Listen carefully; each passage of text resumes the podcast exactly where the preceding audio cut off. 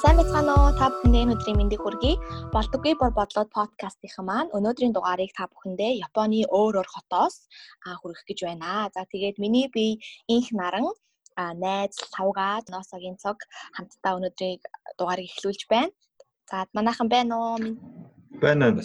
За тэгээд бид өнөөдөр а 6 дугаар сарын эхлэлтнийг тохиолдуулаад бас хэдхэн хоногийн өмнө их үрсийн баяр болж өнгөрсөнтэй холбогдуулаад өнөөдөр нэгэн маш чухал сэдвийн талаар онцолж ярих гэж байна. Тэгээд энэ нь юу вэ гэхээр хүүхдийн эрх тэгш буюу яагаад одоо хүүхдийн эрхийг бид нар хамгаалах ёстой вэ? Монголд ямар байдаг вэ? Ер нь хүүхдүүдийн хадлаа бид нар юу хийх ёстой? Хүүхдүүдийн төлөө юу хийх чухал байдгийг бэ гэх зэрэг маш олон одоо чухал сэдвүүдийн талаар а ярих гэж байна. Яагаад гэхээр бас ер нь бол хүүхдийн баяр болж байгаа ч гэсэн Монголд ойрын үед маш олон тийм харамсалтай бяцхан иргэдээ одоо алдж байгаа тийм айгаа муухай таагүй мэдээнүүд дүүрэн байгаа учраас яг энэ одоо үед угаасаа чухал асуудал байгаа ч гэсэн яг одоо одоо энэ үед бол бүр илүү их ярих ёстой тийм чухал зүйл гэж бодож байна. Тэгээд энэ хүү сэдв маань хүүхдийн эрхийг зөндөө олон ингээд одоо ярих юм байгаа ч гэсэн бид нар хамгийн эхлээд хамгийн чухал үзэж байгаа юм нь одоо хүүхдийн эрүүл орчин боловсрал хүүхдийн хүчирхийлэл зэрэг маш том том асуудлуудын талаар яг өөрсдийн санал бодол үзлээ бас хуваалцаж та бүхэндээ хүргэе гэж бодлоо. Тэгээд аа ерөнхийдөө бол заавал гэтээ одоо Монголд ч гэхгүй ер нь дэлхийд даяар яг юу байдгийг ямар байдгийг те одоо харьцуулсан сонсч харсан юм бэ нөө та нар одоо дотроо одоо манайхны бодлоор бол юу гэж бодож байна хүүхдүүдийнхээ эрхийг бид нар яаж хамгаалах хэвтэй, юун дээр анхаарах хэвтэй гэдэг юм болоо. Ялангуяа одоо эрүүл орчин байх хэвтэй хүүхдүүд ээлгүй хот гэсэн ингээд баг тийм имижтэй болчихлоо шүү дээ Монгол тий. Энэ тал дээр юу гэж бодож байна? Яг ингээд бид нар одоо нийгэмдэр хүүхдүүдтэй ихлээд юу өгөх хэвтэй гингүүд эрүүл орчин бүрдүүлж өгөх хэвтэй. Ингээд хүүхдүүд ингээд өсөхдөө ямар ч ингээд аюултай мэдрэмж авахгүй ч юм уу тэрийг нь хангаж өгөх хэрэгтэй байхгүй юу? Тэнгүүт ингээд Монголд юу тусч ингэнгүүд цэвэр агаар маш ихээр дутагдчихэж байна. Жишээ нь Улаанбаатарт ингээд а жил болго өвөл за өвөл 100 ч гэхэлтгүүд тийж ингээд агаарын бохирдолтой хүмүүс нь ингээд хичнээн ингээд юу штэ хүн ам сэрэг мөртлөө байгаль ихтэй мөртлөө ингээд хоттой ингээд нэг тийм манан дотроо ингээд амьдраад тэр ингээд хорт утаагаар ингээд томчууд ч гэлтгүй хүүхдүүд нь амьсгалал ингээд тэр нь байгаа нь тэгж байгаа нь надад үнэхээр ингээд таалагддаг. Тэгээд нэгт бол тэрийг хамгийн түрүүнд засах хэрэгтэй. Хоёрт гингүүд тоц төлөлтөө маш сайн хүүхдүүдтэй зориулж хийх хэрэгтэй. Одоо саяны тэр үндэсний цэцэрлэг түрээлэн дээр болдог амар харамсалтай эргэж дээ дөрөв хүүхэд усан талент живэд нас ордог. А тэрийг одоо ингээд зарим хүмүүс ингээд хэлэхдээ эцэг гэх нь хараа амилтгүй явуулсан буруу гэж байгаа. А хэр бол үнэхээр хамгийн чи нийгэм дээр ямар ч хүүхэд тэр хоттой явж исэн хэний ч хүүхэд бай аюулгүй аа тэгээд ямар ч зэн ингээд амь насныхаа баталгаатай байж хахын Монгол улсын төр засгийн үүрэг эсвэл ингээд иргэдийнхэн үүрэг гэдэг утгаар нь бид нар харах хэрэгтэй. Тэр дөрөв хүүхдийн бурууг хин дээр тохиж болохыг өнгөд нийгмээрээ одоо бүгд үүрэх хэрэгтэй байхгүй юу? Одоо ингээд зөвхөн тэр хүүхдийнх нь аав ээж нь биш. Аа одоо төр засагч биш. За яг төр засаг орно л гэсэн үг л те. Яхааргүй тэрийг байгуулах их мэдлэн байгаа болохоор гүйцэтгэх засаглал дээр жоох ингээд бурууг нүгж болно. А яагаад ингээд тэнцээ овсон тойлоо барьсан байсан юм ч юм уу. Одоо ингээд тэрийг ингээд судлаад үзэнгүүт нэг компани хууль бусаар үйл ажиллагаа явуулж ирсэн байх жишээний тэнгүүд бас ингээд өөр зөндөө зөндөө ингээд аюулгүй орчим шүү дээ. Одоо жишээ нь хүүхдийн тоглоомын талбай дээр тоглоо нас орж байгаа хүүхдүүдийн жишээ байна ингээл өнгөрсөн жил билүү бас нэг амар харамсалтай хэрэг яасан. Хөл өмгийн хаалганд даруулаад асуусан. Аа тий. Тий. Хүүхэн хүүхэдтэй. Аав нь бас ярьслага өгөөд байсан. Тийм тийм. Тиймэрхүү хэрэгүүдийг бид нэр гарахгүй байхын төлөө нийгмээ яах ёстой вэ ч юм уу? Аа хэр талаарт амар сайн бодохгүй бол ерөөсөө ингээд нэгт амьсгалах агааргүй болгоод хоёрт ингээд тоглох орчингүй болгож байна. Тэнгүүд ингээд бас амар олон хүүхэд одоо траншаны нөхөнд унж мундаг юм зөндөө сонсч ирсэн. Одоо ингээд траншаныг ингээд таглаагүй ч юм уу. Тэгэл явж байгаа. Би өөрөө гэхэд хүртэл унжсэн бохгүй багтаа. Айгуу аюултай орчин гэх юм ингээд зам засвар ингээд хийгээл явж идэг ингээд харахгүй ингээд зүгээр өөр тийшээ хальт харангууд ингээд шууд нөтлөө унах ч юм уу. Тиймэрхүү хэрэгүүд гараад эсвэл ингээд том хүмүүс ч гэсэн одоо траншны хүн дунаа насардаг хэрэгүүд байна шүү дээ. Хүүхд гэлтгүй. Одоо томчууд нь хүртэл гэж инжиж яхад бид нэр хүүхдүүд хүүхдүүд одоо яах хэвээр юм бэ? Одоо хүүхдүүд чинь ингээд томчуудаас 100% хараа хяналтаар байх хэвээр хоол, хүнс, аюулгүй байдал эдийн засгийн хувьд ингээд өөрсдийг авч авч чадхааргүй хүмүүс шүү дээ. Тэнгүүд тэрийг бид нэр яах ёстой вэ гэдээ ингээд бодоод бодоод одоо тэгэл ингээл за асуудлууд нь юм байна ийм байна ийм байна гэд бид нар мянга ярьж чадна. Харин шийдлүүдээ яаж хэлэх ёстой вэ? Одоо 100% миний бодолтой энэ. Монголын ингээд бүтээн байгуулалт хийж явахдаа одоо барилгын салбарын ч юм уу эсвэл ингээл барьж байгаа нь зөвхөн тэр замаа бодоод барьцдаг а бусад ингээд нийгэмдэр яаж нөлөөлөх үү гэдэг юм а тооцоолдгүй гэх юм уу одоо англиар англиар бол transdisciplinarity ч юм уу ингээд а янз бүрийн ингээд мэрэгчлийг нийгэмтэйгээ хэрхэн онолтой холбоох вэ гэдэг ингээд тиймэрхүү шинж чанар чанар амар тутцсан. Одоо зөвхөн ингээд химийн салбар гингүүд имэйл хийгээд байдаг айнстасаа инстасаа ингээд тэгсэн мөртлөө яг ингээд хин наадах чи ашиглах яаж ашиглах юм ч юм уу. Тэнгүүт ингээд Монголын замаа харангууд явгууны зам байхгүй штэ гэж хэлнэ. Тэнгүүд ингээд эсрэг талаар нь болонгот жолооч нь болонгот өстой энэ ганцхан урсгалтай зам байгаад байна шүү дээ. Машины заалгаа ингээд чим ингээд байнгын нэг э, сөргөлдөн гарна л та янз бүр ингээд салбарууд тунд.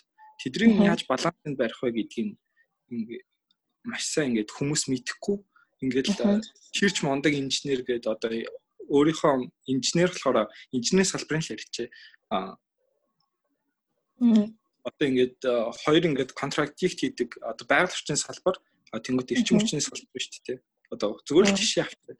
А тэнгууд э, эрчим хүчний салбар юу хүсэх вэ гингүүд улсаа ингээд тоогоор тогцлохаан дулаанаар хангах мангах гэл ингээд амар хичээгээл одоо жишээ нь ингээд э, Монголын инфраструктур юм уу дид бүтцч ингээд ингээд жил болго ингээд нэг сонир халуусны юугаас хэлдэж шүү дээ.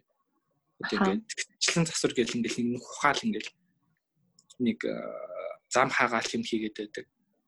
Эсрэг талаараа гингүүд одоо яг хүүхдийн эрх нь гараад ирэнгүүт моднуудаа тэрнээсээ болж тайрч юм уу. Гэт ингээд яхааргүй ингээд хоёлаа ингээд юм хийх гээд байдаг. А тэгвэл би бинийгаа ингээд зөрчилдөд байдаг. Тиймэрхүү юмнуудын хоорондын уялдаа холбоо ч юм уу балансыг барьж өгдөг газар Монголд амар дутаад байгаа юм шиг байна тэр бас тийм шүү те одоо ялангуяа бид нар чинь бүгдээрээ Японд байдаг. Тэгээд би бас одоо хүүхдүүдтэй цуг ажилдаг болохоор ч юм уу ингээ анзаарч харж байгаа зүйл нь гэхээр дэлгүүр хошоо одоо барилга сургууль соёл гэдэг юу гэдэг бүгд нэг тийм хэд сайз юмнуудтай те гэд хүүхдэд зориулсан одоо сандал ширээн хүртэл те одоо элеватор дараа дарах ингээд хоршлуур нь бараг хүртэл хүүхдэд ингээд хөрөхөд амар болгоцсон.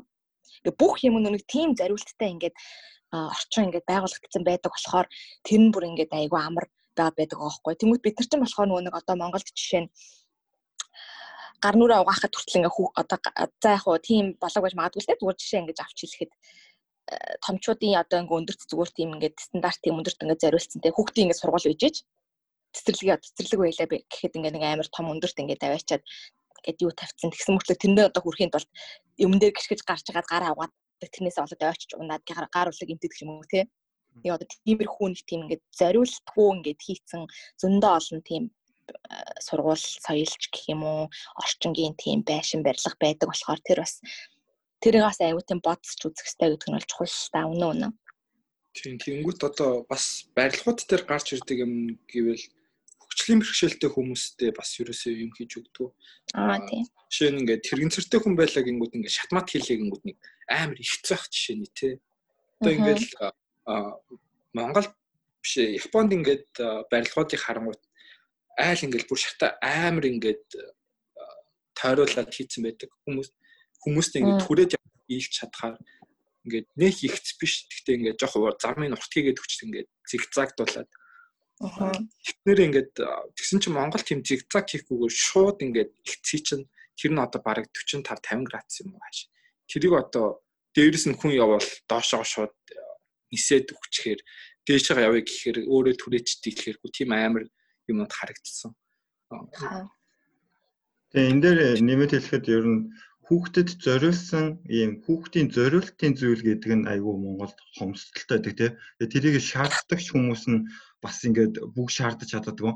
улс аа хуулийн хэрэг байдаг ч гэсэн те одоо тэрэндээ нөгөө нэг тохируулаад бас яг стандартын дагуу байдаггүй ч зүйлүүд байх шиг те. Тэгснэ юу хүмүүс нь ард иргэд нь өө ер нь бол ингэж болцдог энэгээр бид нэр амьдч болоо л байна гэдээ ерөөсөө нөгөө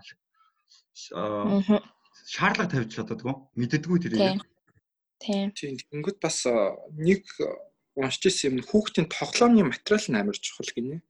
Аа сая ингээд интернет хүүхд ирэх мэрх гэл жоохон судлаад үзсэн. Хүүхд ингээд тоглоомоор угаасаа тоглох нь зайлшгүй юу ч гэсэн хамаагүй тоглоно харин тэр тоглож байгаа материал нь яг ямар байх вэ? Хүүхдэд дээлтэй байх үгүй юу гэдэг нь. Маш чухал. Одоо ингээд Монголд хиттаас амар их юу орж ирдэг? Тоглоом орж ирдэг. Тэрнийх нь тэр пластик нь яг хүүхдийн аюулгүй байдалд ингээд нөлөөлж чадах. Одоо ингээд нүд дамаа зоох ч юм уу эсвэл ингээд гар хөл гараа зүсэх ч юм уу тиймэрхүү асуудал гарах уу? Эсвэл тэр материал нь хортой юу? Хазуул хэр зөөлөх юм бэ ч юм уу? Тиймэрхүү юм байна. Одоо тэгэл монголчууд хэлдэж штэ нэг шороо идэж өссөн. Тэгээд яагаачгүй гэж. Одоо тэгээд шороогоор тоглож өсөх ёстой юу таны хүүхдтэй тэрээ бас амар бодох хэвээр тийм. Танин сонь нэг хиллгүүдийг бол бас авч хаймаар л одоо чинь тэр шороо идэж өссөн гэдэг бол тоглох тоглоомгүй болоод шороогоор тоглоно үстэй Ер нь тэгээд одоо бас бодоход бидний үед бас илүү хэцүү байсан мөртлөөс яаж гэж болгодог байсан байгаа юм л да. Одоо тэгэхэд ингээд айгүй тийм хөгжөөд байгаа баг багаар тэгээ зөндөө олон юм ингэж хийж чадах болцоод байгаа мөртлөөсөө л ингээд зөндөө олон хөгт бэртэж гэмтэж ингэж амь насаа алдаад байна гэхээр бид нэр ингээ яалтчгүй үнэхээр сайн хичээж ингэж дээшлэхэд хичээж байгаа ч гэсэн одоо юу мэрчтэй сайн бодлогын ингээд тийм өөрчлөлт хийж чадахгүйгээсээ болоод ингээд тэр нь одоо бол ерөөсөө ингэ нэг тийм ignore хийж болохооргүй асуудал болчлоо шүү дээ. Жил болго ингэж хүүхэд ингэж амь насаа алд чинь зүгээр ингэж байж байгаа л ингэ ч юу гэсэн үг юм бэ. Тэгээд саяны одоо хэлсэн шиг ганцхан тэр эцэг эхийн одоо хариуцлага байх хэсгүй гэдэг бол үнэн бохгүй тэр хүүхэд. Монгол улсын одоо зөвхөн үндсэн хууль мэдэртэй хүртэл харьцуулж ингэж шиж ярихад хүүхэд чинь 18 нас хүрч ижил насанд хүрсэн байдаг. Бистэй ер нь бол хаасаагүй тий. Тэгэхээр тэр чинь 18 хүртлээ бол хүүхэд гэсэн үг багхгүй яг үнэндээ. Бид нар одоо зүгээр 15 16 өрөөл нэг жоохон том болоод өсвөр насны хүүхэд болоод ирэхээрээ жоохон ингээд нэг тийм ухаан санаа суугаад өөртөө жоохон том гэж боддог ч гэсэн яг үнэндээ 18 хүртэл тэр хүүхэд өөрийгөө биед албаг байхгүй юу? Одоо юу гэмэжтэй тий одоо ямар нэгэн хүний хариуцлага болно гэсэн үг. Тэр хүүхдийн одоо аюулгүй байдал тий? Эрүүл мэнд гэдэг чинь. Сэргээрээ сэргээрээ 18-аас дээш болоод тэгэхээр ах ихч болно, бас аав ээж болно тий. Тэр хүмүүс нь нүү хүүхдүүдийнхээ хариуцж байгаа хүн шүү гэдгээ бас гомсоглох хэрэгтэй. Юм шиг санагдаж байгаа байхгүй юу? Чи одоо бас ингээд э, монголчуудын бас гаргадаг одоо миний өнцгөөс ингээд дүнэлт хийнгүүд одоо миний хүүхд болж байл бусдын хүүхд яах вэ юм уу? Үгүй ингээд яг болохоор Монгол улсад амьдарч байгаа иргэн бүр ингээд хүүхдийн төлөө хариуцлагатай байх хэрэгтэй. А жишээ нь хариуцлагагүй жишээ бол маш их гардаг шүү дээ.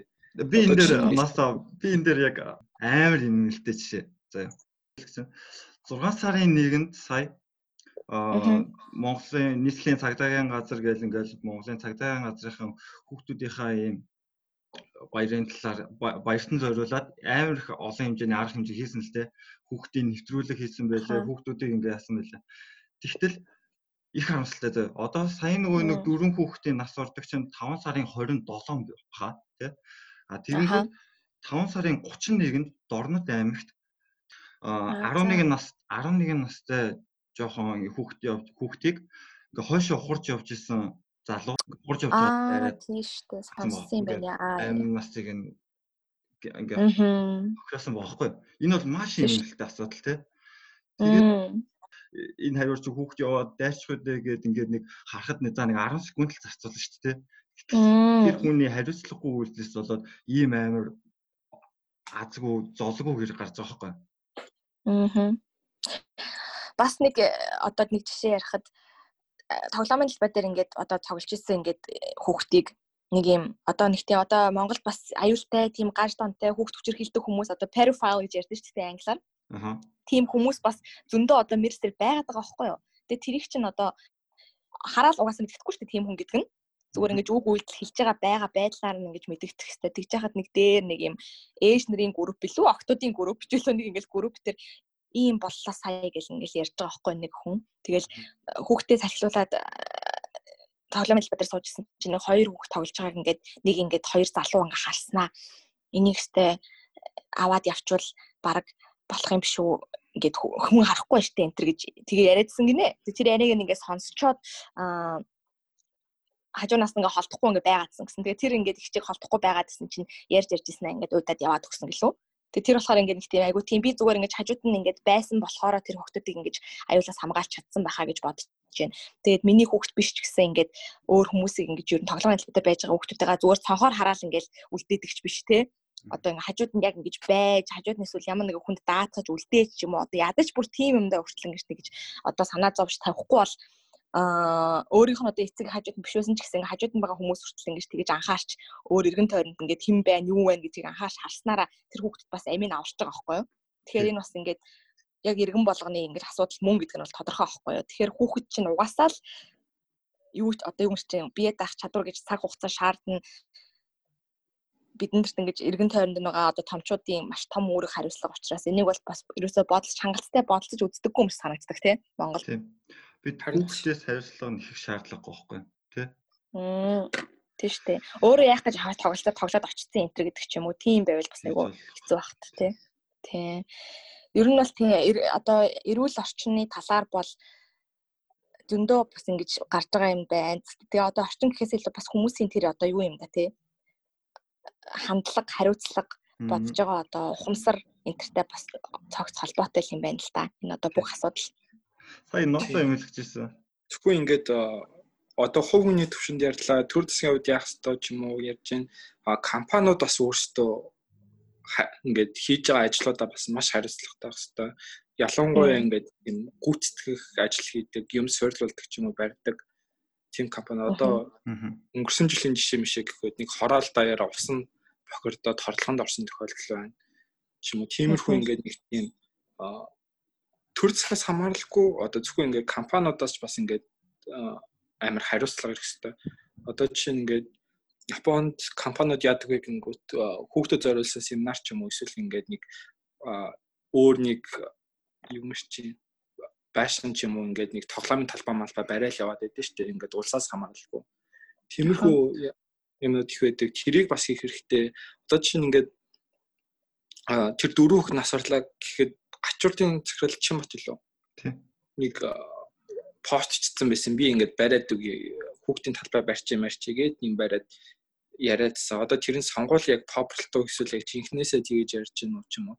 Одоо тиймэрхүү тэр нь яг даалт санаанда биш яг тиймэрхүү ингээд юм хийх нь амар чухал. Одоо ингээд зөвхөн төр засга хараад байхгүй ингээд нийгэмд хүн болох ингээд яаж хувьмэр орлох вэ гэдэг талаас яриад эсвэл хүүхд болгоны аюулгүй байдлыг яаж хангах вэ? А бас нэг жоохон харамсалтай юм уу гэхээр миний хувьд Монголын утаа ерөөс ингээд арилтгүй жил болгон байгаад байдаг. А тэнгууд нөгөө нүүрс түлээлэдэг нүүрс түлээдэг ингээд төлөхө болж чадах уу гингүүд одоо шилэн хаана байна гэл ингээд яриад шахмал төлөж хийж үзчих. Тэгэл ингээд тэрийг бас яах вэ? Нөгөө талаас нь бас харах хэрэгтэй ингээд зөвхөн нөгөө хүүхэд нь бас галт хүлэхгүй болохоор хөлдөж хүчих гээд байдаг. Аа галт хүлчгээр хутаанд нь хорччих гоод байдаг гээд. Тэгээд айгуу тийм зөндөө хаял тийм. Тэгээ энэ дээр судалж хахад Монгол улс UNICEF гээд одоо дэлхийн байгууллага гэдэг шүү дээ тий UNICEF хүүхдийг ингээ хамгаалах байгууллага олуулсан. А 190 гаруй улс хамрагддаг энэ UNICEF-т. Тэгээ Монгол улс энд байдаг. Тэгээд 50 жил одоо яг үйл Монгол үйл ажиллагаа эхлээд ойролцоогоор 50 жил болцсон ийм байгууллага байгаа.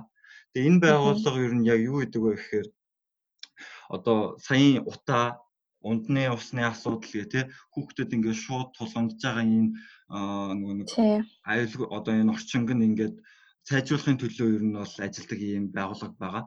Тэгээд яг энэ байгууллага байгаа. За өгшөө хажуугаар нь энэ ингээд юу яаж байна? Аа цагдаагийн газрынхантай хамтарч чинь тий хамтарч бас хийдэг. Аа бас government одоо засгийн газартайгаач хамтарч үйл ажиллагаа хийдэг л тий.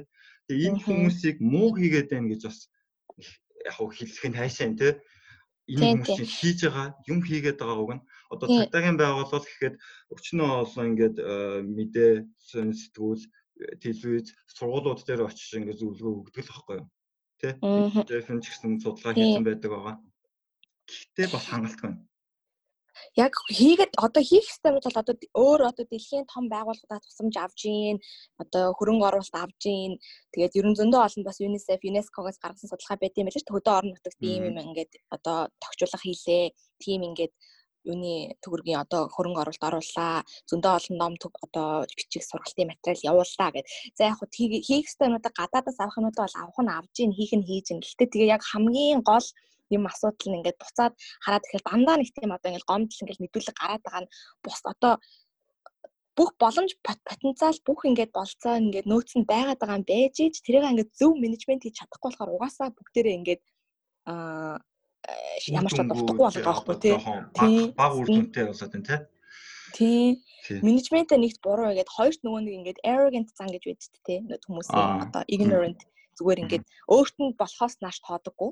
Тий одоо ерөөсөө тоож хардаггүй асуудал гэж үздэггүй хүн болгоно их тийм жоохон эго нэг тийм амиа одоо амиа гэх юм одоо жишээнд миний хөтөл болж ивэл яг энэ гэдэг чинь бол яг үнэндээ зөв үү буруу юу гэвэл бас дебет хийх байлгүй юу. Тэгэхээр одоо энэ дээр одоо энэ дээр ингэнгүүт одоо миний бодлоос саяын энэ ярьсан ингээд одоо бодонгууд Үүнийг тий хийх нь бол хийж гин хүмүүстэй хүрэхгүй байна. Яагаад хүрэхгүй байна гэхээр одоо нөгөө би тэд хариуцлагатай байж чадахгүй байна тий. Тэгээд одоо ингээд сая яг одоо чиний эм манай эми хэлсэн одоо хүн болгон өөрийн хүүхэд болж ив ч юм уу тий өөрөд нь очихоос тааш яадгүй гэд мэдгүй энэний яг хамгийн том жишээ байгаа. Аа. За би танаас асууя. Та нар багада машинд хүүхдийн суудал одоо тий 0-оос 11 насны юм хүүхдийн суудал байдаг шүү дээ. Тийм суудал дээр сууж ирсэн үү? Сууж үзчихсэн үү Монголд? Багада Үзээгүй те. Би сав санахгүй байна. Монголын ер нь бол бидний баг нас гэдэг чи одоо баг 2000 2000-ад л онцтой. 90-ээс 2000-ад он. Тэнгүүт тэр үед Монголын хүүхдийн суудал модал гэдэг юм ч байгаагүй. Өөрөөсөө яг нэг тийм а юу ч хөгжөөгөө байсан юм шүү те. Basic яг боддог байсан үе те. Тэнгүүт ингээд угтынх нь эдийн засгийн ч муу тэнгүүд ингээд эхлээд хүмүүс basic нийтэд хангаж дараа нь ингээд жоохон тансаг хэрэглээ ч юм ингээд тиймэрхүү тал руу явах болохоор тэр үеийг бол бид нэр ойлгоод байгаа. Харин одоо үед болонгууд тэр хууль дүрмэн ч гэсэн гараад ирчихэж байгаа шүү дээ тэр хүүхдийн судлалын.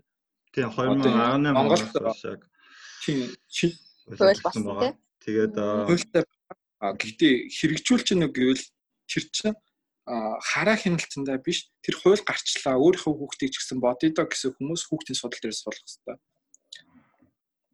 За тийм. Гэхдээ энэ бол нөгөө нэг одоо бас бид нарыг ойлгох талаас нь ботсон бас тийм ер нь юу байна те.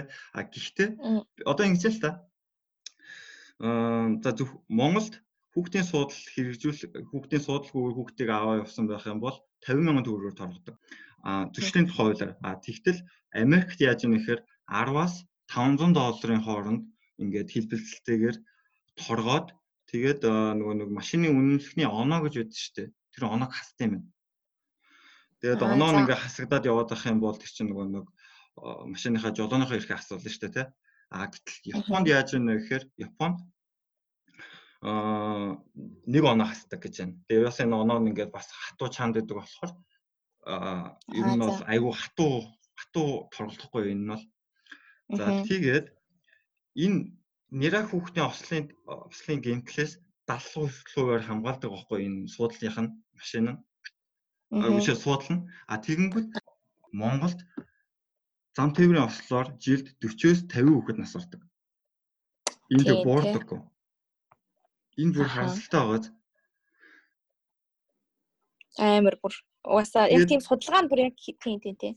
Тэгээд одоо нөгөө нэг дээр үед ч тийм байсан. Одоо ч тийм байгаа гэхээр бид нар арай л нөгөө нэг тийм хариуцлагагүй байгаа юм шиг тий. Ерөөсөө яаж ямиг хэлээд байдаг. Ignorant гэдэг зам нь явж байгаа. Тий. Бүр ер нь гэхдээ айгүй айдас хүүт жинхэнэ нөгөө нэг төр л байна доо аюултай. Өөртөө одоо хүүхдүүнэрийнхаа одоо өөр эргэн тойрнож байгаа бүх хүмүүсийг ингэж ер нь одоо баг байн харж тахгүй бол баг болохоо болцсон тийм л байдалд ороод байгаа юм биш биш үү дээ л гэж хараад байгаа шүү дээ. Тэгээд ignorant байх болчвол ууг нь зөндөө олон юм дээртгэл байгаа ууг нь. Тэгээд одоо Америкт одоо өөр энэ том улсуудтай бид нар өөртөө харьцуулаад байх одоо бол одоо бол шаардлага байхгүй. Яа гэвэл бид нар адилхан нэг цаг үед амьдарч байгаа тийм. Бид нар тэдний ийм бүтээсэн энэ нийгмийн тогтолцоо бид нар зүгээр даваад тий одоо заавал тэр нэг 100 жил үргэлжлсэн ардчлалыг нь бид нар 20 жилийн дотор зүгээр нэгэнд нэг тийм уус хийцэн юм чинь бид нар ингээд одоо даваад гараад ирч чадсан шүү дээ тийм үстэй. Тэгээ энэ дээр ерөөсөө өөрсдөө ерөөсөө өмгөөлөд байх шаардлага байхгүй шүү гэж үзсэгчд сонсогчтой хувирлмаар байна. Харин тий. Тэр нөгөө нэг ган жахлаахын постыг бас сүулт ингээд уншаад айгу тийм нүдэн нулимс цэлгэнжсэн л та надад бүр ингээд уншаад бүр ингээд жоохон юмор мор санагдаад бүр ингээд ахихтайгаа уучлаарай гэсэн. Та нар уншсан уу? Уншиж амжаагүй л. Амжаагүй л. Зүгээр л тийм бүх хүний буруу одоо бидний ингээд ярьж байгаатай бараг төстэй. Тэр одоо дөрөв хүүхэд сая усанд живж өгсөн, а тогон цохиулсан, хөл бөмбөгийн талбаанаас унсан одоо тий цахилгаан бас цохиулж байгаад нэг хүүхэд амиа алдсан чинь адилхан жил тоглож байгаад тий. Дэлгүүрийн эмийн сангийн гадаа байлуу цахилгаан. Ягаад. Тэр нь болгон чинь ингээд тийм бүх одоо бидний буруу алигтэй орчин ингэж бүтээж өгч чадаагүй дуучлаарай ингээд харж хандаж чадаагүй дуучлаарай хүүхдүүдийнхаа ингээд толгой бодолж үзээгөө тагч нарыгаа уучлаарай гэж бичсэн. Тийм постс аахгүй юу яг ингээд уншаад үзсэн чинь бүр угаасаа ингээд тэр хүүхдүүдийг танихгүй ч гэсэн яагаад ч юм ингээд бидний буруу юм санагдаад байгаа байхгүй юу? Юугаа мэдэж угаасаа тэр хүүхдэд чинь тэгээ явах хэвдэ тий? Гарах хэвдэ зүгээр ингээд тоглоё гоё бай.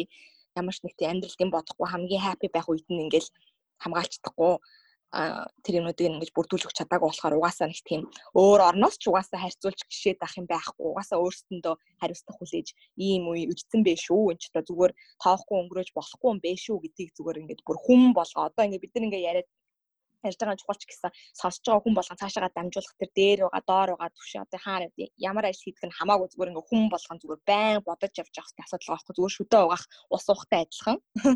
Нэг тийм болтол нь ингэж ойлгох нь амар чухал гэж бодож байгаа юм бас дээр нь нэмээд хүүхэд орчин энэс хамгаалаад одоо хүүхэд хүчирхийлэл гэж асуудал байна тий. Энэ harassment. Тий би энэ асуудал энэ сэдвэр нэлээ мэдээлэл бэлтлээ. За. Аа хамгийн эхлээд би яг та нарт хүүхдийн хүчирхийлэл гэж юу вэ гэдэг талаар ингээд жоохон хэлж өгье л да тий. Ер нь инженеэр л хэлчихэ. Аа за хүүхдийн хүчирхийлэл гэдэг нь одоо зарим хүмүүс тийм ойлголт байдаг. Одоо хүүхдийг зодсон ингээ янз янзын сорив соривтой ч юм эсвэл хөртлөн зодч модохыг л хүүхдийн хүчирхийлэл гэж ойлгох хандлага байдаг. Гэхдээ энэ бас энэ ил харагдаж байгаа юм зүйл босхоос биш энэний хажуугаар маш олон төрлийн юм хүчирхийллүүд байдаг. Одоо жишээ нь хараа хяналтгүй байлгаа. Хүүхдээ хараа хяналтгүй байлгаж байгаа нь нэг нэг хүчирхийлэл байгаа байхгүй юу? Тийм. Бас аюулгүй орчинд нөхцөлд байлгах, амьдруулах. Тэгээ өөрийг нь үн цэнгүй бас нэг юм тэнэг гэж юм мэдрүүлж мэдрүүлэх хүүхдүүдийг бас шоглолт шүү дээ. Эсвэл аав ээж нь хүчирхийлэлтэй. Тоохгүй байх ч юм уу. За тэгээд бэлгийн ёс бус үйл явдлыг ингээд мэдүүлэх, харуулах, үйлдвэрлэх энэ маш аюултай их зэрэг иймэрхүү ерөн зүйлүүд байдаг. Энэ healthguide.org гэдэг бас ийм сайт дээр Аха тийм. Айгүй ойлгомжтойгоор энэ бүхнийг тайлбарлсан байлээ. Тэгээ та бүхэн сонс хүсвэл сонсоорой. Энийг уншаарай. За тэгээд манай орны хувьд өнгөрсөн жил болон 2019 он болон 2018 оны байдлаар 0-оос 17 хүртэл насны 2018 онд 1900 хүн хүүхэд ямар нэгэн тийм гинт хэргийн хохирогч болсон байна. 2019 оны байдлаар 894 хүн. Тэгээ яг хоо энэ өмнөх жилийнхтэй жоохон багассан байгаа ч гэсэн эн чинь бас асар их тоохгүй юу? Амар цөөхөн оролтой гэхэд тий. Хүүхдтэй харьцуулахад эмэгтэй хүмүүсээ бас зүгээр гаргаад ирэхэд өнгөрсөн жил 2018 онд 6700 а 2019 онд 5000 хүн ингээд ер нь гинт хэргийн золиослсон байна. За тэгээд энэ их гинт хэрэгүүд ер нь ослоос байж болно. Эсвэл юм янз янзын нөгөө нэг би энэ гинтээдэг байж болно. Гэтэ яг би энэ сэдвэр ярихаар айгүй хэцүү санагдаад байдیں۔ Гэр бүлийн бэлгийн хүчирхийлэл. Тэгээд өмнөх 2018 онд 995 гэр бүл хүчирхийллийн гэмт хэрэг үйлсэн байгаа байхгүй. Иймээс 35 нь бэлгийн хүчирхийлэлсэн байгаа. Тэгээ хэдий 35 гээд яг 995-аас 35 гээд баг сонсогдож байгаа боловч энэ бас аюу тийм аюу харамсалтай зүйл байна. Бас бүр зөв нэг хойд аавда өвөөдөө ахтаач гэнүү одоо тэг хүчндүүлдэг тийм хүмүүсийн байдаг энэ төр гээд. Тэрнээсээ болоод амиа хорлдог. Сэтгэл зүйн хүчирхийл авснаасаа болоод дан зодож нүдэх хүш гэж зөндөө асуудал бас Монголд ингээд гардаг гэд бодохоор бүр ингээд ингээд би бол өмнөдөө ийм буухай ингээд тийм бузар бусаа үлгэж байдаг байсан юм уу? Кинон дээр л гардаг зүйл юм биш үү? За эсвэл ингээд хүн олонтой гадаад нэг те Америк Америк одоо тийм юм л ингэж сонсогддог тэгээ бодсон чинь зүгээр ингээд хаяанд баг ингээд миний хөршид бүртэл ингэж болдог асуудал байсан байгаа байхгүй юу? хажууханд нь. Тэгэхээр бүр ингээд тэгэж бодохоор амар ер нь бол жоохон үнэхээр аимшигтай ярахад бол бүр ингээд айгуу тийм муухай санагддаг. Гэтэ одоо ярахаас өөр яах вэ? Ийм асуудал ингээд болоод гараад байгаа юм чи тийм. Харин тийм бас нэг э, сонсч ирсэн одоо гэр бүлийн хүчирхэл болонгот ингээд за за гэр бүл юм чинь чимээгүй өнгөрөөч ч юм ингээд цагтаад мэдхгүй тохиолдол нь бас амар их байд юм шиг байлээ. Тийм. Нэг ганцхлаах тийм пост бичсэн байлгүй ингээд ерөөсө хилтгүй ингээд хүүхдүүд нь чимээгүй байгаа. Жишээ нь одоо хөдөө мөдөө хон мөн дээр байгаа хүүхдээ очиод хүчрхэлдэг тохиолдолч зөндөө байсан юм шиг байсан. Аа тиймэрхүү юм зөндөө амар уншижсэн уншижсэн байгаа даа байхгүй Монголд ингээл хөдөө хон дээр ээжт нь очиод хажуу айлынхаа нах нэрэд хүчрхийлсэн ч юм уу тиймэрхүү тохиолдол зөндөө. Тэнгүүд ингээд нэг Монгол миний хувьд жоохон тийм pedophile юм санагдаад байгаа байхгүй юу. Ингээл эрэгтэй бол алуу тамхилын баваа гаргаад тэр бав үзүүлч юм нэг тиймэрхүү ингээд сонин ёс өгдөн штэ. Тэрийг ерөөсөө нэг э, асуудал гэж харддаг. Өндөө бол тэр чинь ингээд хүүхэд э, хитий баах ч гэсэн тэрнээс хичэд зовж байгаа. Тэнгүү том хүн хэлж байгаа болонгод нэг үгэнд нь орохгүй чадахгүй ч юм ингээд тийм. Хүүхдүүд бол тааламжтай биш. гэж би бол жинхэнэ хүүхдийн эрхийг зөрчиж байгаа байхгүй. Зөв хүүхд болохоор нь тэгээ яаш одоо зүгээр тэр чин хүний эрх гэж харах хэрэгтэй шүү дээ. Бид нар тэр хурж ирснээ алийг гэл тэгээд их юм бол яаж уурлах яг тэрнтэй адилхан л гэж харах хэрэгтэй байхгүй тий. Тэгж яах чи өхөөд чинь энэ төр гэл яачдаг нь амар жоохон сонин тиймэрхүү юмнаас эхлээл ингээл хүчрэл яваад байгаа шүү. Одоо хэрвээ ингээд хэрийг нормал гэж үзсэн мөртлөө зүгээр ингээд хүүхд хүчрхэлээд байгаа хүнийг муухай гэж хараад өөрөө хийж байгаа юм бол ерөөс ингээд ямар ч ялгаа байхгүй миний хувьд бол Аа. Том байна уу бага байна уу? Ингээд хүчрэл байгаа л байвал ингээд э, тэр чинь бусдаж алга болохгүй. Алга болохыг гэвэл ингээд өөрөөсөө бас хүмүүс ихлэх хэрэгтэй. Одоо жишээ ингээд надаас ч юм уу ингээд дараа нь ингээд миний найзууд дундаас тийм үйл хийж байгаа тэгвэл бид нэр ингээд хүчрэл эхлүүлж ингээд харж болохоор хгүй.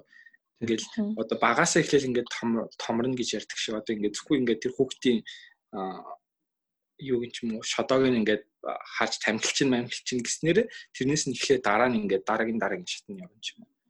Тийм тийм.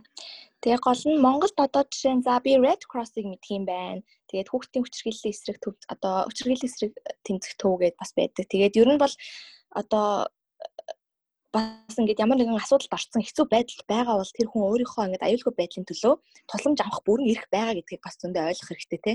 Хүүхдүүд маань. Тийм томч бай багч бай одоо ямар нэг юм туулж байгаа бол гэр бүлээ гэд үлдээгээд тоохгүй байснараа та ингээ өөрөө хогсож байгаа шүү хүүхэд өөрөө хогсож байгаа шүү. Тийм болохоор зүгээр өөрийнхөө төлөө ингээ зөв үйлс хийх бүрэн эрх байгаа учраас дараа нь ингээ гарах тэр тооцоо тооцох тооцогч нь цаанаас шийдээд өгөх болохоор тэр нь санаа зовлтгүй. Эхлээд өөрийгөө ингэж амар хамгаалж өөртөө санаа тавих нь айгүй тийм чухал шүү зөв гэдгийг бас айгүй сайн ойлгох хэрэгтэй. Тэгээ үүнийг ил гаргахын тулд бас зөрөгтэй байх хэрэгтэй. Тэгээд би та хүүхдийн хүчирхийлэлтэй яг үндэ ингээд бид тэмцэж чадна те. Яаж чадах вэ гэхээр бид ийм хүү кейс одоо ийм хүү болж байгаа ийм хэрэгүүдийг бид нэр ярьж өгөх хэрэгтэй. Speak out бүр ингээд хилээд яриад зараад зарлаад ийм юм болсон байна. Энд дээр нь бид нэр ингэх хэрэгтэй гэдэг хүн хүн болгон одоо туслалцаж чадна. Одоо бид хэд ч гэсэн энэ хүү подкастаа ингээд хийж гин ингээд ийм хэрэгүүд гарч ийн ингэж ингээд ярьж байгаа маань хүртэл бид нарыг энэ хүүхдийн хүч хэрхэлтэд тэмцэж байгаа нэг хэлбэр болж байгаа юм л да. Тий, raise awareness болж байгаа байхгүй тий. Тий. Ингэж хүмүүс бодох. Тий. Одоо тэгэхээр юу гэж ойлгоход байна гэхээр хүмүүсээ ерөөсөө санаа зовхгүйгээр хэрвээ одоо ойр дотны чинь хүн ч юм уу эсвэл нэг жоохон хүүхэд өөрийгөө хамгаалж чадахгүй хүүхэд юу хийхээ мэдэхгүй хүчрхийлд өртөж юу хийхээ мэдэхгүй байгаад үнийг зүгээр дэлгээд өг зүгээр ингээ яриад өг те бүр хүмүүс нь хүрх газар нь хүргээд өг хэрвээ тэгж чадах юм бол тэр хүүхэд ч гэсэн хүчрхийллээс гарах тусалцаа аав а нөгөө талаараа хүчрхийлж байгаа хүмүүс ч гэсэн бас нэг талын ийм хүчрхийлээ зогсоох тусалцааг аав хариуцлага. Яагаад би ингэж хэлсэн бэ гэхээр хүмүүс донд нэг юм ойлголт байдаг юм байна л да. Байдаг шүү дээ ер нь. Аа. Хүчрхийл хүчрхийллийг бий болгоно гэд. Та нар энэ дээр санал нийлж байгаа юм. Ер нь бол тийм санал угаасаа нийлэн те одоо ингээд одоо их тийм судалгаа уншиж байсан багтаа хүчрхийлчээс хүм том болоод хүчрхийлэгч болох магадлал нь амар өндөр байдаг. Жишээ нь хэрвээ ингээд тэр улсад хүчрхийлэл өндөр байгаад тах юм бол байгаа л байна. Ямар нэг юм хийгээд тэрийг одоо шийтгэлээ өндөр тавиач ч юм уу хүүхдүүдээ ингэж авч тийм хүчрхийлсэн гаргаж хамгаалахгүй бол тэр хүүхдүүд нь дахиж ингээд том болоо дараагийн үе үе дээр дахиад тэр тэд нар өөрсдөө хүүхдээ хүчрхийлээд явна гэсэн үг байхгүй. Тэнгүүд ингээд энэ нэг гинжин хэлхэнд орчин а тэрийг бид нар отоол ингэж зогсоож тэр хүүхдүүдээ нэг бодлын ингээл хүчрхийлэгч нэг нийгэм нь өөрөө үүсгээд байгаа. Тэр нэг хувь хүн дээр нь бид нар чичилж юусаа болохгүй одоо ингээд тэр стамуу хүн байсан. Тэр хүүхд хүчрхийлдэг гэхийн оронд манай нийгэм яагаад ийм амар хүчрхийлтэй байгаа юм бэ гэдгийг хараад ингээд хүчрхийлэх гэдэг нь нийгэмүүд бид нар өөрсдөө гэсэн. Одоо би ч гэсэн ингээд Монголд хүчрхийл байлаа гингүүд би өөрөө хүчрхийлэгч байж тээ гэж харах жишээний одоо миний хэлэх гээд байгаас нэг ойлгож байна. Ойлгосон ойлгосон. Тий. Тийм тийм. Угаасаа бүх юм гэр бүлийн хүмүүлээс эхлээд бол эхлэх нь зөв. Тэгээ цаашаа ингэж явах нь бол нийгмийн бас том хариуцлага болчихж байгаа байхгүй тий. Бас эргэн тойроноос байгаа ингээд. Тийм. Яг үндэ ингээд те хүчрхийл үлдэж байгаа хүнийг бас өрөвдмөрөхгүй юу те. Яасан гэхээр тэр хүн гэсэн магадгүй өмнө нь ээж авдаа хүчрхийлүүлсэн. Тэгээд энэ талаар ямар нэгэн мэдлэг байхгүй. Тэгэл ингээд бүр урсгалаараа шууд юм болцсон байх магадaltaй байхгүй. Тэгээ яг факт хэлэхэд одоо ингээ хүчрхийл төссөн хүн ингээ том болсныг ер нь survivor гэж хэлээд байна л да. Хүчрхийллээс ингээ өөрийгөө авч гараад ямар ч ясн нэг том болоод хүн болцсон гэсэн үг л дээ. Ийм хүмүүс донд хүчрхийлэгч болсон хүн их байдаг. А бас хажуугаар нь хүүхдтэй хизээч иймэрхүү би өөрийнхөө мэдэрчсэн хүчрхийллийг хүүхдтэй мэдрүүлэхгүй гэсэн ийм мотивацтай ийм чин хүсэл эмгэлтэй хүн ч гэсэн бас их байд юм байна л да. Тэгэхээр бид нэр энэ болгон дэлгэх бол тусмал ер нь бол ийм гэсэн үг. Энэ тал дээр зүгээр боловсруулах хэрэгтэй байхгүй educate хийх хэрэгтэй хүмүүсийг. Harassment гэж ийм байдаг, ийм нөлөөтэй байдаг шүү. Ийм хүнийг harasser гэдэг шүү. Одоо хүчирхийлэгч гэж энийг хэлдэг шүү гэдэг нэг тийм ичгэвтер ийм одоо тэр хүн бас ичгэвтер бас ийм яриа байх албагүй байхгүй тий. Зүгээр open ингээд тийм зүгээр нийгмийн асуудал гэж харах хэрэгтэй. Тэгээ бүр ингээд хүн болгоны энэ тал дээр угаасаа боловсрал олгож чадах юм бол тэр чинь ойлгол авчихад хүн чинь тийм ингээд ухаан суудсан байхад хийх үйлдэл нь цаанаасаа өөр болоод ирнэ шүү дээ тий. Тэгэхээр тийм ухаан ингээд нэг тийм ойлголт одоо одоо юм ухамсар суулгаж өгч чадчихлаа байвал ирээдүйд ямар нэг юм болохоос хамгаалж чадна гэсэн. Тэр чинь бас sex educationтэй ч гэсэн хамгаалалтай тий. Одоо ингээд яаж хүсээгүй жирэмслээс хамгаалах вэ? Яаж үнэхээр одоо хүүхэд санаандгүй санагдгүй байдлаар болчлоо гэж бодоход хүүхдтэй болмоор байгаа бол болохгүй байх зөндөө олон арга байгаа. Тэ? Одоо өнөөгийн зөндөө олон юм ингээд нэмэгдсэн байгаа. Тэр болгоныг ашиглах эрх танд бүрэн байгаа. Гаргасан бол тэр хүүхэд таны хариуцлага гэдгийг ухамсарлаад хүчрхийлэх одоо эрүүл мэндэд нь ямар нэгэн хохирол үзүүлэх тийм бас эрх юусоо байхгүй тэр чинь хүүхдийн эрх учраас тэрийг ингэж зөрчиж болохгүй гэдгээ ухамсарлаад гаргах хэрэгтэй гэдгээ бас ойлгох. Энэ болох чинь нийлээд бүгдэнд бүгдээр ингэ тийм education болж байгаа байхгүй тий. Нэг төрлийн зүгээр л боловсрал. Тэгээ бас эн чинь бас одоо ярих том асуудлын нэг манай боловсрал гэдэг хүүхдийн одоо эрхтгш боловсрал гэдгээс юу юм бэ гэдг нь бол за яг уу Монголд бол бүр ингээд 3000 цэцэрлэг хувийн ихцээ сургуулиуд бүр хэдэн мянгаараа байдгийн байна. Ингээд харлаа. Ер нь сургуулийн одоо зохион байгуулалт хаас нэг сургууль байна. За тэгээд одоо дажгүй эрхийг бол хүмүүс ингэж ойлгодог юм байна. Монголд бүгд бичиж одоо уншиж сурах математикийн одоо тийм монгол хэлний ч юм уу ингээд үндсэн нэг тийм боловсрол эзэмших хэрэгтэй. Тэрийг нь бол хангаж өгөх газар байна. Улсын сургууль, хувийн сургууль гэж байна. Тэгэнгүүт ингээд нийт одоо хүүхдүүдийн 2012 оны судалгаа ингээд харахад нийт хүүхд одоо Монгол иргэн болж төрсэн хүүхдүүдийн 80% нь юу үндэсний ерөнхий боловсрол ингээд эзэмш чадчихээн гэж байгаа байхгүй юу. Тэгэхээр бас гайгүй. Сургууль явчихж байгаа. Тэгэхээр анги төгсөж байгаа гэсэн үг үстэй бидний харуул. Тийм тийм. Тийм. 10 дугаар анги хүртлээ бол явж чадчихээн. Тэнгүүт үлдсэн 20% нь болохоор бүгд нөгөө нэг хөдөө орон нутгийн хүүхдүүд буюу бас аа хөгжлийн бэрхшээлтэй хүүхдүүд ороод явчихж байгаа. Бас ингээд одоо хэцүү нөгөө нэг орчинд бас амьдрдаг те. Одоо гэр хороолд амьдрдаг тэгээ сургууль руугаа явж чадахгүй ч юм уу те өөрсдөө бүр ингээд амар хол алхаж автобусанд сууж ингэж явдаг. Тэр чинь тэгээ айгүй аюултай орой таран шүн орой олсон дахиж автобусаар явснаа. Одоо гудамж хашаагаар тэгэж ганцаар ингээд явуулах энэ төргээд одоо эн чинь бүгд нэг ингэж хідүүлэл салгаж ярьж байгаа болохоос яг үндэ бүгд хоорондоо холбоотой зүгээр л нэг асуудал болчихж байгаа байхгүй юу? Бүгдийн ирэх гээд. Тэгээ тийм асуудал зөндөө их гарч ийн гэсэн ингэ судалгаа гарч ирсэн байна. Тэгээд одоо болохоор хөдөө орон нутагт очиж сургууль байгуулна л гин текст бүкээр хангаал яана гин зөндөө олон юм ярьж л байна л та. Гэхдээ тэгээд гол нь ингээд яг хараад үзэхээр аа ингэсэн байгаа байхгүй юу? би бас нөгөө нэг одоо Японд байгаа болохоор тэрийг бас ингэж хамт ингэж харьцуулж байгаа юм. Яг Япон систем мундаг Монгол систем яа гэж юусэн ярьсантай бас биш систем мэдээж бас өөрийнхөө орны хийж байгаа юмнуудыг нь харж байгаа анзаарч байгаа сайн юмнуудыг нь анзаараад биширч байгаа ч гэсэн одоо жишээ нь хөгжлийн бэрхшээлтэй сургууль одоо Монголд нэг дүлийн сонсголын бэрхшээлтэй хүүхдүүдэд зориулсан сургууль гэж яддаг лээ. Байдаг шүү дээ. Аа тэр нүг би одоо нүг юугаас судалгаан сарахад сонсголын бэрхшээлтэй хүүхд хотын special needs school гэдэг ганцхан ширхэг сургууль байдаг гэж байгаа байхгүй юу? Аа тийм үү. Хотод тийм. Миний мэдхээр 29 дугаар сургууль 50 29 29 байдаг. 29 дугаартай юу тий? Тийм. Хоёр сургууль аа миний мэдхээр. Тийм нэг ингээд inclusive education гэдэг нөгөө нэг тусдаа нь ингээд заачдаг. Тэнгүүт тэр чинь ингээд за ямар нэгэн тодорхой хэмжээний боловсрол олгож байгаа ч гэсэн тэр хүүхэд ингээ өөрийнхөө ингээд өөр юм байна тусдаа ингээд групп юм байна гэдэг ингээд сэтгүүгээр ингээд өсчдөг учраас хичнээн боловсрол эзэмсэж байгаа ч гэсэн тэрийг ингээд одоо ирээдүйд ингээд яаж чадахгүй ашиглаж чадахгүй тэр боловсрол мэдлэгээ. Тэнгүүт Японд ингэдэг аахгүй одоо миний ингэж явж байгаа сургууль болохоор бас тэгвэл хотын сургууль л та нөгөө над улсын сургууль. Тэнгүүтлээ а сургууль дотроо зүгээр тусдаа нэг анги байдаг.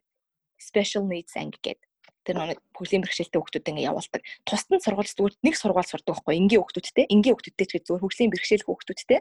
Тэгэнгүүтээ зүгээр яг хуу яг ижилхэн юм үзээд байгаа юм заяа хичээл нь.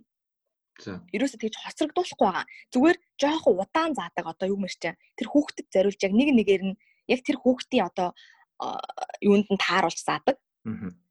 Болцоонд нь ингээд эрүүл мэндийн одоо тэр юунд нь асуудалд нь тааруулж ингэж заадаг. Хийх ёстой, сурах ёстой нь бүгдийг ингэж заадаг. Тэнгүүтээ хоолнд идэвхтэй спорт өдрлөг оруулах ямар нэгэн баяр ёслол оруулахдаа буцаад зүгээр бэрхшээл хүүхдүүдтэйгээ цуг ингэж нийлүүлдэг.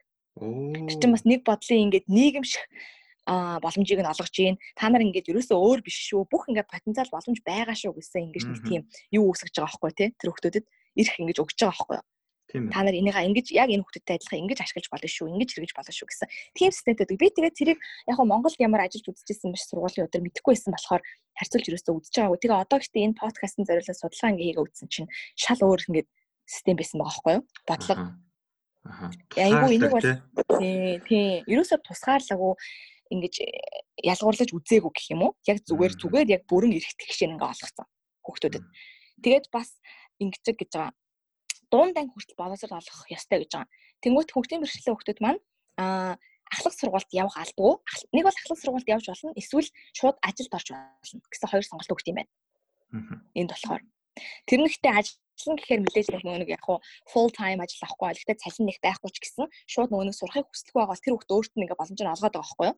Өөрөө ингээд сурахгүй шууд ажиллая гэд яаж байгаа бол баг багаар нөгөө одоо part time чиг тийм Тэгээ бас нөгөө цаанаас нь компаниуд нь бас ийм хөгжлийн бэрхшээлтэй хүнийг авах тийм бас нэг заалт өгдөө шүү дээ. Тийм, тийм заалттай компаниудтай харьцаж одоо recruit хийж өгөн гэсэн үг.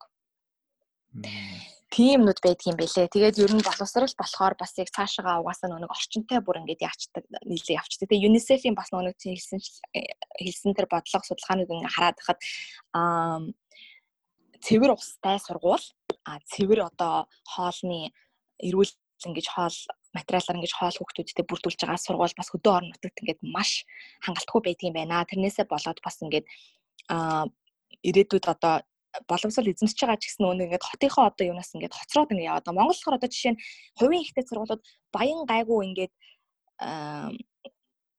орлоготой одоо боломжтой айлын хүүхдүүд бол үнэхээр сайн боловсрол эзэмж чадаад байгаа байхгүй юу? Одоо ингээд хүссэн сургуультад явж гин, гадаадд хүссэн сургуультад орч чадж гин, айгуу тийм лаг сайн сургуультад ингээд явж чадж гин. Тэгэнгүүт нөгөө нэг аа тусгаарлагдсан группийн ингээ хүмүүс маань хэцүү ингээд жоохон болцоо мотой ингээ группийнхан маань болохоор за ерөнхий боловсролын дээд одоо тийм боловсролоо эзэмчлээ гэж бодоход потенциал одоо тий ажилд ингээд орох потенциал тий. Тэрийг ингээд өөр ингээ амьдралын скиллүүд суралцж чадахгүй байгаа учраас яалтчгүй ингээд бүр нэг амар том юу үсэж байгаа байхгүй юу ялгаа тэр хүмүүсээ ингээ хооронд Монголд гэхдээ бас нөгөө нэг компаниуд тийм хөгжимшилтэй хүнийг авах тийм заалт байдаг те ажилуулах хэвээр. А гэхдээ бас бүгд бас тийм гэж шатдаггүй. Ер нь бол бас байдаг хангалттай биш байдаг бах те. Хангалттай харин тийм биш. Тэгээд бас аа одоо тэр нэг Harvard-ийн иргэний эрхийн төсөл гээд 2000 бас 14 онд гаргачихсан судалгаа байт юм байна л да. Одоо зүгээр Америкт ундаасаа ингэж хүүхдүүдийг яаж ингэж амир боловсролын эрхтг шиг яаж хангаж байна гэсэн судалгаан дээр болохоор а family background одоо ямар айлын ямар хүүхэд ингэж одоо тий ямар их бололцооны айл вэ гэдгээс нь хамаарч тэр хүүхдийн education айгуу тийм level нь ингэж хамаардаг гэж тодтолж гарч ирдэг гинэ. Дажгүй одоо цалинтай аав ээжээс нь бүр амар хамаардаг гэж байгаа байхгүй юу? Education бол өөрөөсөө эцэг гэх нь educationтэй хүн бол хүүхэд нь educationтэй байгаад л маш өндөр байдаг. Дажгүй ингээд нөгөө нэг орлоготой хүүхдийнхаа нөгөө нэг одоо боловсролд хөрөнгө оруулж чаддаг тийм байх юм бол бас айгуу тийм зүгээр амар нөлөөлдөг гэж байгаа. Тэр нь зүгээр тэр хүүхдэд ингэж хэр их education дараа нь авч чадах вэ гэдэгт ирээдүйд. Тэнгүүт болохоор манай Монголд болохоор аа өнөг бүх хүнд одоо зариус нүг улсын ингээд төсвөр хийсэн сургуулиуд зөндөх байдаг учраас өнөг өнгөө сургуулиудад явж болдог. Тэнгүүт аа өөртөө ч гэсэн бүгчээжлэвэл болоо гэдэг өнөг гэр бүлээсэн шахалт ингээ яадаг. Тэр нь айгүй зөвч гэсэн одоо цаашаага нүг зөндөө олон ялгаа байгаа. Мундаг одоо хүмүүстэй зориулж зөндөө олон бүтээгээд авах биш. А орлоготой хүмүүстэй зориулж зөндөө олон бүтээгээд авах биш. Хэцүү хүмүүстэй зориулж юу бүтээх вэ гэдэг тал дээр илүү policy-га чиглүүлэх хэрэгтэй, бодлого чиглүүлэх хэрэгтэй гэсэн тийм шийдвэр гарч ирж байгаа байхгүй юу? Аа. Яаж ижил зүгээр юм олгох вэ, нөөц олгох вэ гэсэн тийм зөндөө гарч ирж байгаа. Тэнгүүт бас бас нэг асуудал байна. Багш ингээд яг трейн хийх. Багш нарыг боловсруулах. Одоо багш нар айгу тийм амархан амархан гэдэг баг нэртэй биш амархан биш муу цалинтай нэг тийм муу багш нартай л байд юм гэсэн нэг тийм имиж болох гэдэг шүү дээ Монголд. Яг үндэ тэнгууд чин төлөөсөө ажиллаж байгаа багш нар амар их байгаа. Тэнгууд нөгөө төр засгаас багш нарыг сайн бэлтгэх бодлого байна уу? Эрхтгс цалин өгч гин үү? Аа хөгжлийн бэрхшээлтэй хөгж зориулсан багш бүр тусдаа бэлтгэх тийм газар гэж байд юм уу? Тэгээ зөндөө олон юм амар дотоо байгаа байхгүй юу? Зөвхөн зөвхөн бас хөгжлийн бэрхшээлтэй хүүхдүүдийн хүүхдүүд зориулсан багш биш шүү дээ тий. Энд чинь бүх хүүхдүүдийн талаар ярьж шүү дээ тий. Бүх хүүхдүүд Тийм, ер нь бол тийм. Ихэнх хүүхдүүд нь улсын сургуульд явж байна. А тэгээ улсын сургуульд багшлж байгаа багш нар нь арай нэг тийм муу имижтэй байгаад байна. Гэтэ уг нь яг үндэ тийм биш. Тийм байлгамааргүй байна тий. Тийм шүү дээ. Аа. Тийм цаанаас нэг expectation тавьж байгаа тэр нэг шаардлага тэгээд бэлтгэж байгаа тэр юу хоёр нэг авцдахгүй байгаа байхгүй тий. Тэгэхээр бүр ингэ дунд нь гарч ирээд багшийн мэрэгчлийг сонгохгүй хүүхдэдээ буруутгах уу эсвэл ингээд ерөөсө буруутгах чадахгүй шүү дээ. Амьдралын баталгаа угаасаа байхгүй болоод байна. Багш хүний цалин яагаад ингэж бага агаад байгаа юм бэ? Энийг жоох өндөр болгох чи. А тэнгууд өндөр болгохыг гингүүт багшийн цалин өндөр болох шаардлага байна уу? Яг ингээд улсын төвсөн байна уу гэдэл ингээл амар олон асуудал гараад ирнэ. Тэнгууд чирийг бүр ингээд цогцоор нь ингээд шийддэг тийм бодлого хэрэгтэй байгаа. Одоо Аа жишээ нь Японы боловсрал гэл ингээл баахан юм үзэж яхад хүмүүс хүмүүст уулзал ингээл ярьж яхад хувийн сургуульд явах, улсын сургуульд явах 9 дугаар анги хүртлээр бараг ижилхэн. А зүгээр хувийн сургууль нь юугаараа ялгаатай вэ гэнгүүт илүү их цагаар суулгадаг ч юм уу. А тэгвэл ерөөсөө ингээд хувийн сургууль төгссөн, улсын сургууль төгссөн их сургуульд орох магадлал нь яг ижилхэн. А Монгол болохоор шалт сэргээр штэ хувийн сургуульд явах юм бол их сургуульд орох магадлал нь хамаагүй өндөр, сайн сургуульд орох нь хамаагүй өндөр. Одоо жишээ нь боловсролын үнэлгээний төвөөс ингээд гаргадаг жил болгоны элтийн ерөнхий шалгалтын дундаж оноо улсын сургууль, хувийн сургууль хоёр бараг 100 200 оноо зөрөгтэй байхгүй дунд чинь.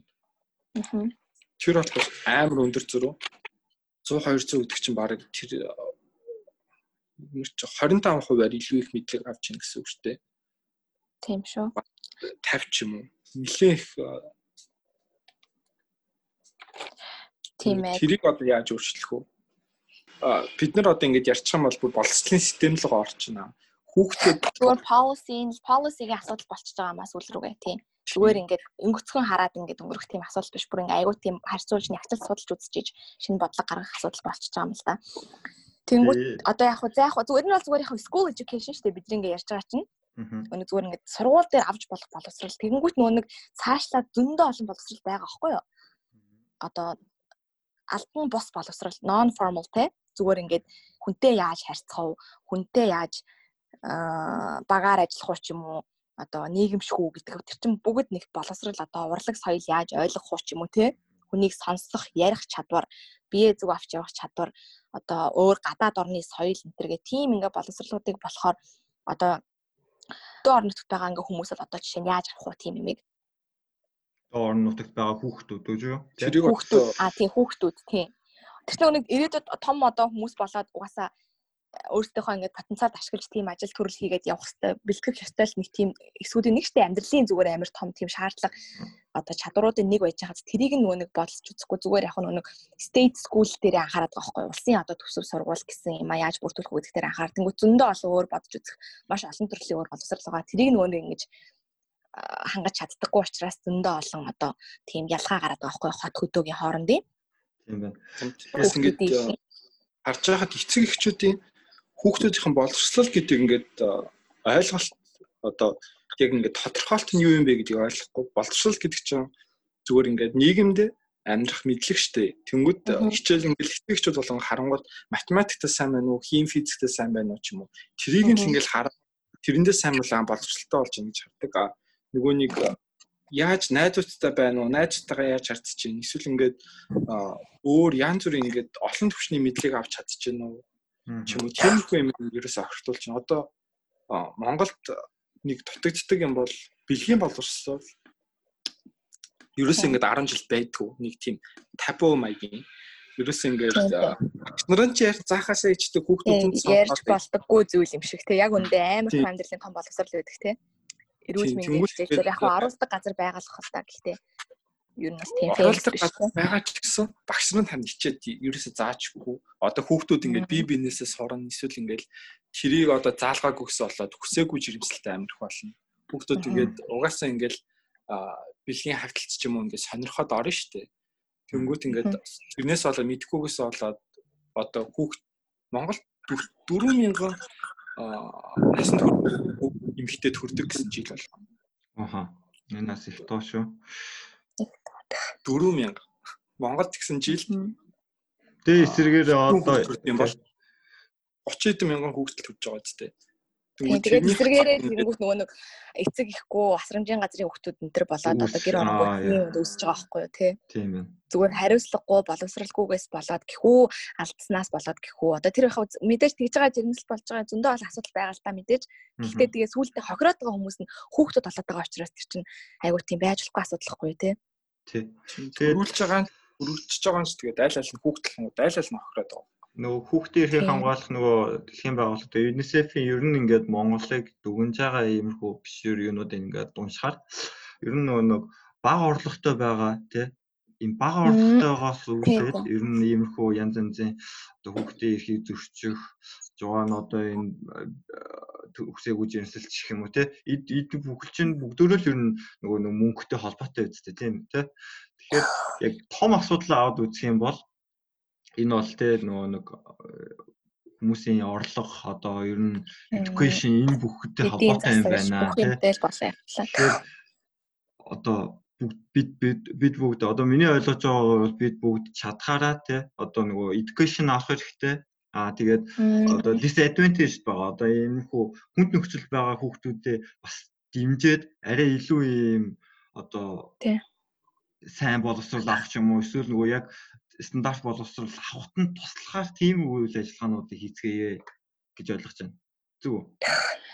Зөв зөв. За тэгээд ер нь бидний өнөөдөр ярьсан юмнууд бол хүүхдийн эрхийн талаар зөндөө олон дахиад өөр ингээд эрүүл мэнд хоол хүнс энтер гээл одоо mental health сэтгэл зүйн асуудал энтер гээд ярих асуудал зөндөө байгаа ч гэсэн ер нь бол энэ нийтдээ бол эн чинь бол тэр чигээр улс орны хөгжлийн асуудал хүүхдийн асуудал тийм учраас хувааж ингэж ярьж оруулсан сэдв маань боловсрол, эрүүл мэндийн орчин, тэгээд хүчирхийллийг яаж зогсоож болох вэ энэ гэсэн баг цаг одоо тийм судалгаагаа бид нэр хамарч ярьлаа. Тэгээд энийг одоо бид нар ингээ яринаас ингээл нэг л юм ингээд аваад үтчихээсэ гэсэн юм одоо хэдүүлээ нэг нэгийг танилцуулаад тэгээд подкаста дуусгая тэхүү. За би ярьцаа. Савгаа. Тийм энэ дээр би нөгөө нэг бас судалгаа ингээ хийж яхад Америк яаж хүүхдүүдийн хамгаалж байна гэдэг талаар харлаа л да аа янз янзын байгууллагууд одоо ийм програмууд байна. Энэ жишээнд юу юу гэхээр Shelter from Storm гэдэг энэ нь юу гэсэн утгатай гэхээр ийм аянганаас бултах ийм хасгавч гэсэн утгатай л үг л да. Ийм програм байна. Энэ яадаг вэ гэхээр одоо бага насны хүүхдтэй гэр бүлд тий ээж аавд нь ийм сургалт явуулдаг ийм ажил. Одоо бас дахиад өөрөөр 0 to 3 гэдэг ийм програм байна. Энэ яадаг вэ гэхээр 0-оос 3 настай хүүхэдтэй ийм айлд ингээд очоод тий сургалт явуулдаг. Тэгээ яаж ямар сургалтууд байна вэ гэхээр одоо ээж аав ээж аавд нь тий стресссэн үедээ яаж яаж хэрхэн ийм хүүхдтэй стрессээ гарахгүй байх вэ ч юм уу тий. Тэг ингээд яаж хэрхэн ингээд ийм эцэг их байх вэ? Эцэг хүүхдээ юунаас хамгаалах вэ гэдэг талаар ийм заадаг. 2 сард нэг удаа гэрт нь очдог, ингээ уулзалт ярилт хийдэг ийм хүү програмууд байдаг болчихжээ. Оо за ямар гоё юм те. Энэ бас айгүй зүгээр санагдсан. Яа тэгэхээр дөнгөж ээж дөнгөж хүүхдтэй болж байгаа гэр бүл ингээд ихнээс нь заагаад сургаад эхлэх юм бол те нөгөө нэг яваа яваанда ингээд би бидээ нөлөөлөд эхлэх юм шүү дээ. Дараагийн тэрний хүүхэд нь тийм хүү өсгөх нь байна. Тэрний дараагийн хүүхэд нь тийм хүү өсгөх нь байна те. Яг үнэ. Амар тийм урт хугацааны тийм бодлого ба шүү дээ, тий. Тэгээд үлдэхээр ярьсан. Манай Монголд гэсэн иймэрхүү юмнуудыг хэрэгжүүлэх боломжтой гэж би бодож байгаа. Аа тийм. Бүрэн боломжтой. Тийм. Тэгээд яг эцэст нь юу гэж хэлэх вэ гэхээр одоо залуучууд бид нар хүүхдтэй болно. Одоо яг бид хэдийн хувьд бол хүүхдтэй болсон, ийм гэр бүлтэй болсон хүмүүс алга тий. Гэхдээ дүү байгаа, дүүнэр байгаа ийм хүн гээд хамгаалах ёстой хүмүүс зөндөө байна тий хүүхдүүд. Тэгээд Тийм учраас ямар нэгэн юмнаас төгшөхгүйгээр а энэ хэрэггүй эн чинь өөр юм гэж манай Монгол улс л ийм юм гэж бодохгүйгээр хэдүүлээ хүүхдүүдийг хамгаалахын төлөө ийм юм хийцгээе гэж хүсэж байна. Аа. Аа. Зүйтэй. За. Насагийн зүгээс юу хэлмээр байна? За тэгээд ерөнхийдөө бол хилээ гэсэн юм бол ерөөсө дуусахгүй 8 том сэдв болоод Ярил яриалахаар тий. Өнөөдрийн ингээд ярианаас хүмүүс мэдээд аваад үлдчихээсэ гэсэн ойлголт бол ингээд хүний хүүхэд гэхээр ямар ч хамаагүй биш. А зөвхөн өөрийн хүүхэд хамаагүй хүүхэд хамгаалах гэдэг бол ингээд нийгэм даяараа хүн болгоны үүрэг зөвхөн төр засгийн үүрэгч биш ингээд иргэн болгон байгууллага болгон ингээд ямар ингээд нэгж байна а ямар ч хууль ийтгээд байсан бүгднийх нь ингээд ижил тэгш хэрэгтэйгээр хийх ёстой хариуцлага тэрийг л хүмүүс ингээд сайн ойлгохосоо гэж л бодож байна. Тэгээ ер нь бол бидний яриа бол нийлэн нийлэнхүйдээ хүүхэд гэдэг бол хүн болгоны хариуцлага шүү гэсэн санааг л ингэж гаргах гэж одоо өнөөдрийг ярих гэж тал талаас олон тийм төрлийн сэдвийг ингэж оруулж ярьлаа. Тэгээд өөрөө хүн өөрөө боловсралтай болж ийж хүүхэд нь боловсралтай болно. Хүүхэд нь боловсралтай болж ийж тэгээд тэдний хүүхэд боловсралтай болно. Энэ бол ингээд нэг тийм урт хугацааны хөгжлийн урт хугацааны хүний эрхийн асуудал учраас ерөөсөө тийм тоохгүй өөрт нь болохоос нааш битгий ингэж ойлгохгүй байгаасаа тий өөрт нь болж ш ойлгодог нэг тийм одоо тийм буруу тийм ignorant байдлаа хэдүүлээ болох хэрэгтэй байх шүү. Тэгэхгүй бол жил ирэх тусам ийм харамсалтай явдал ихсэл байх юм байна шүү. Болоод л байх шүү. Тэгээд өөрийнх нь хүүхдэд одоо тохиолдож иж бүр ингэж ууралж бохимдож өөрчлөлт гаргадаг тийм харамсалтай үйлдэл битгий бид нар гаргадаг байгаасай л гэж одоо ингэж хүсэж чадаад ийм подкастаа өндөрлөе гэж бодчихъя. Тэгээд өнөөдөр надтай ярилцаж, бөөндөө ярилцаж, зөндөө олон асуудлыг ингэж хэлэлцээ, судалгаа ингэж танилцуулсан та бүхэндээ баярлалаа. Тэгээд дараа дараагийн цуврал эсвэл гаргаж магадгүй. Бүр илүү том асуудал болоод ингэ ярих юм бол тий. Их том асуудал болохоор цувралаар ярьсан ч болохоор. Тий ямар ч гэсэн ганц хоёр юм зайлшгүй ойлгож авч ийм судалгааны мэдээлэл бас мдэггүй байсан юм аа мэдэж авсан байхаа гэж найдаж байна. Тэгээд дараагийн подкаст хүртэл та бүхэнтэйгээ түр баяртай гэж хэлье. За баяр та. За баярлалаа.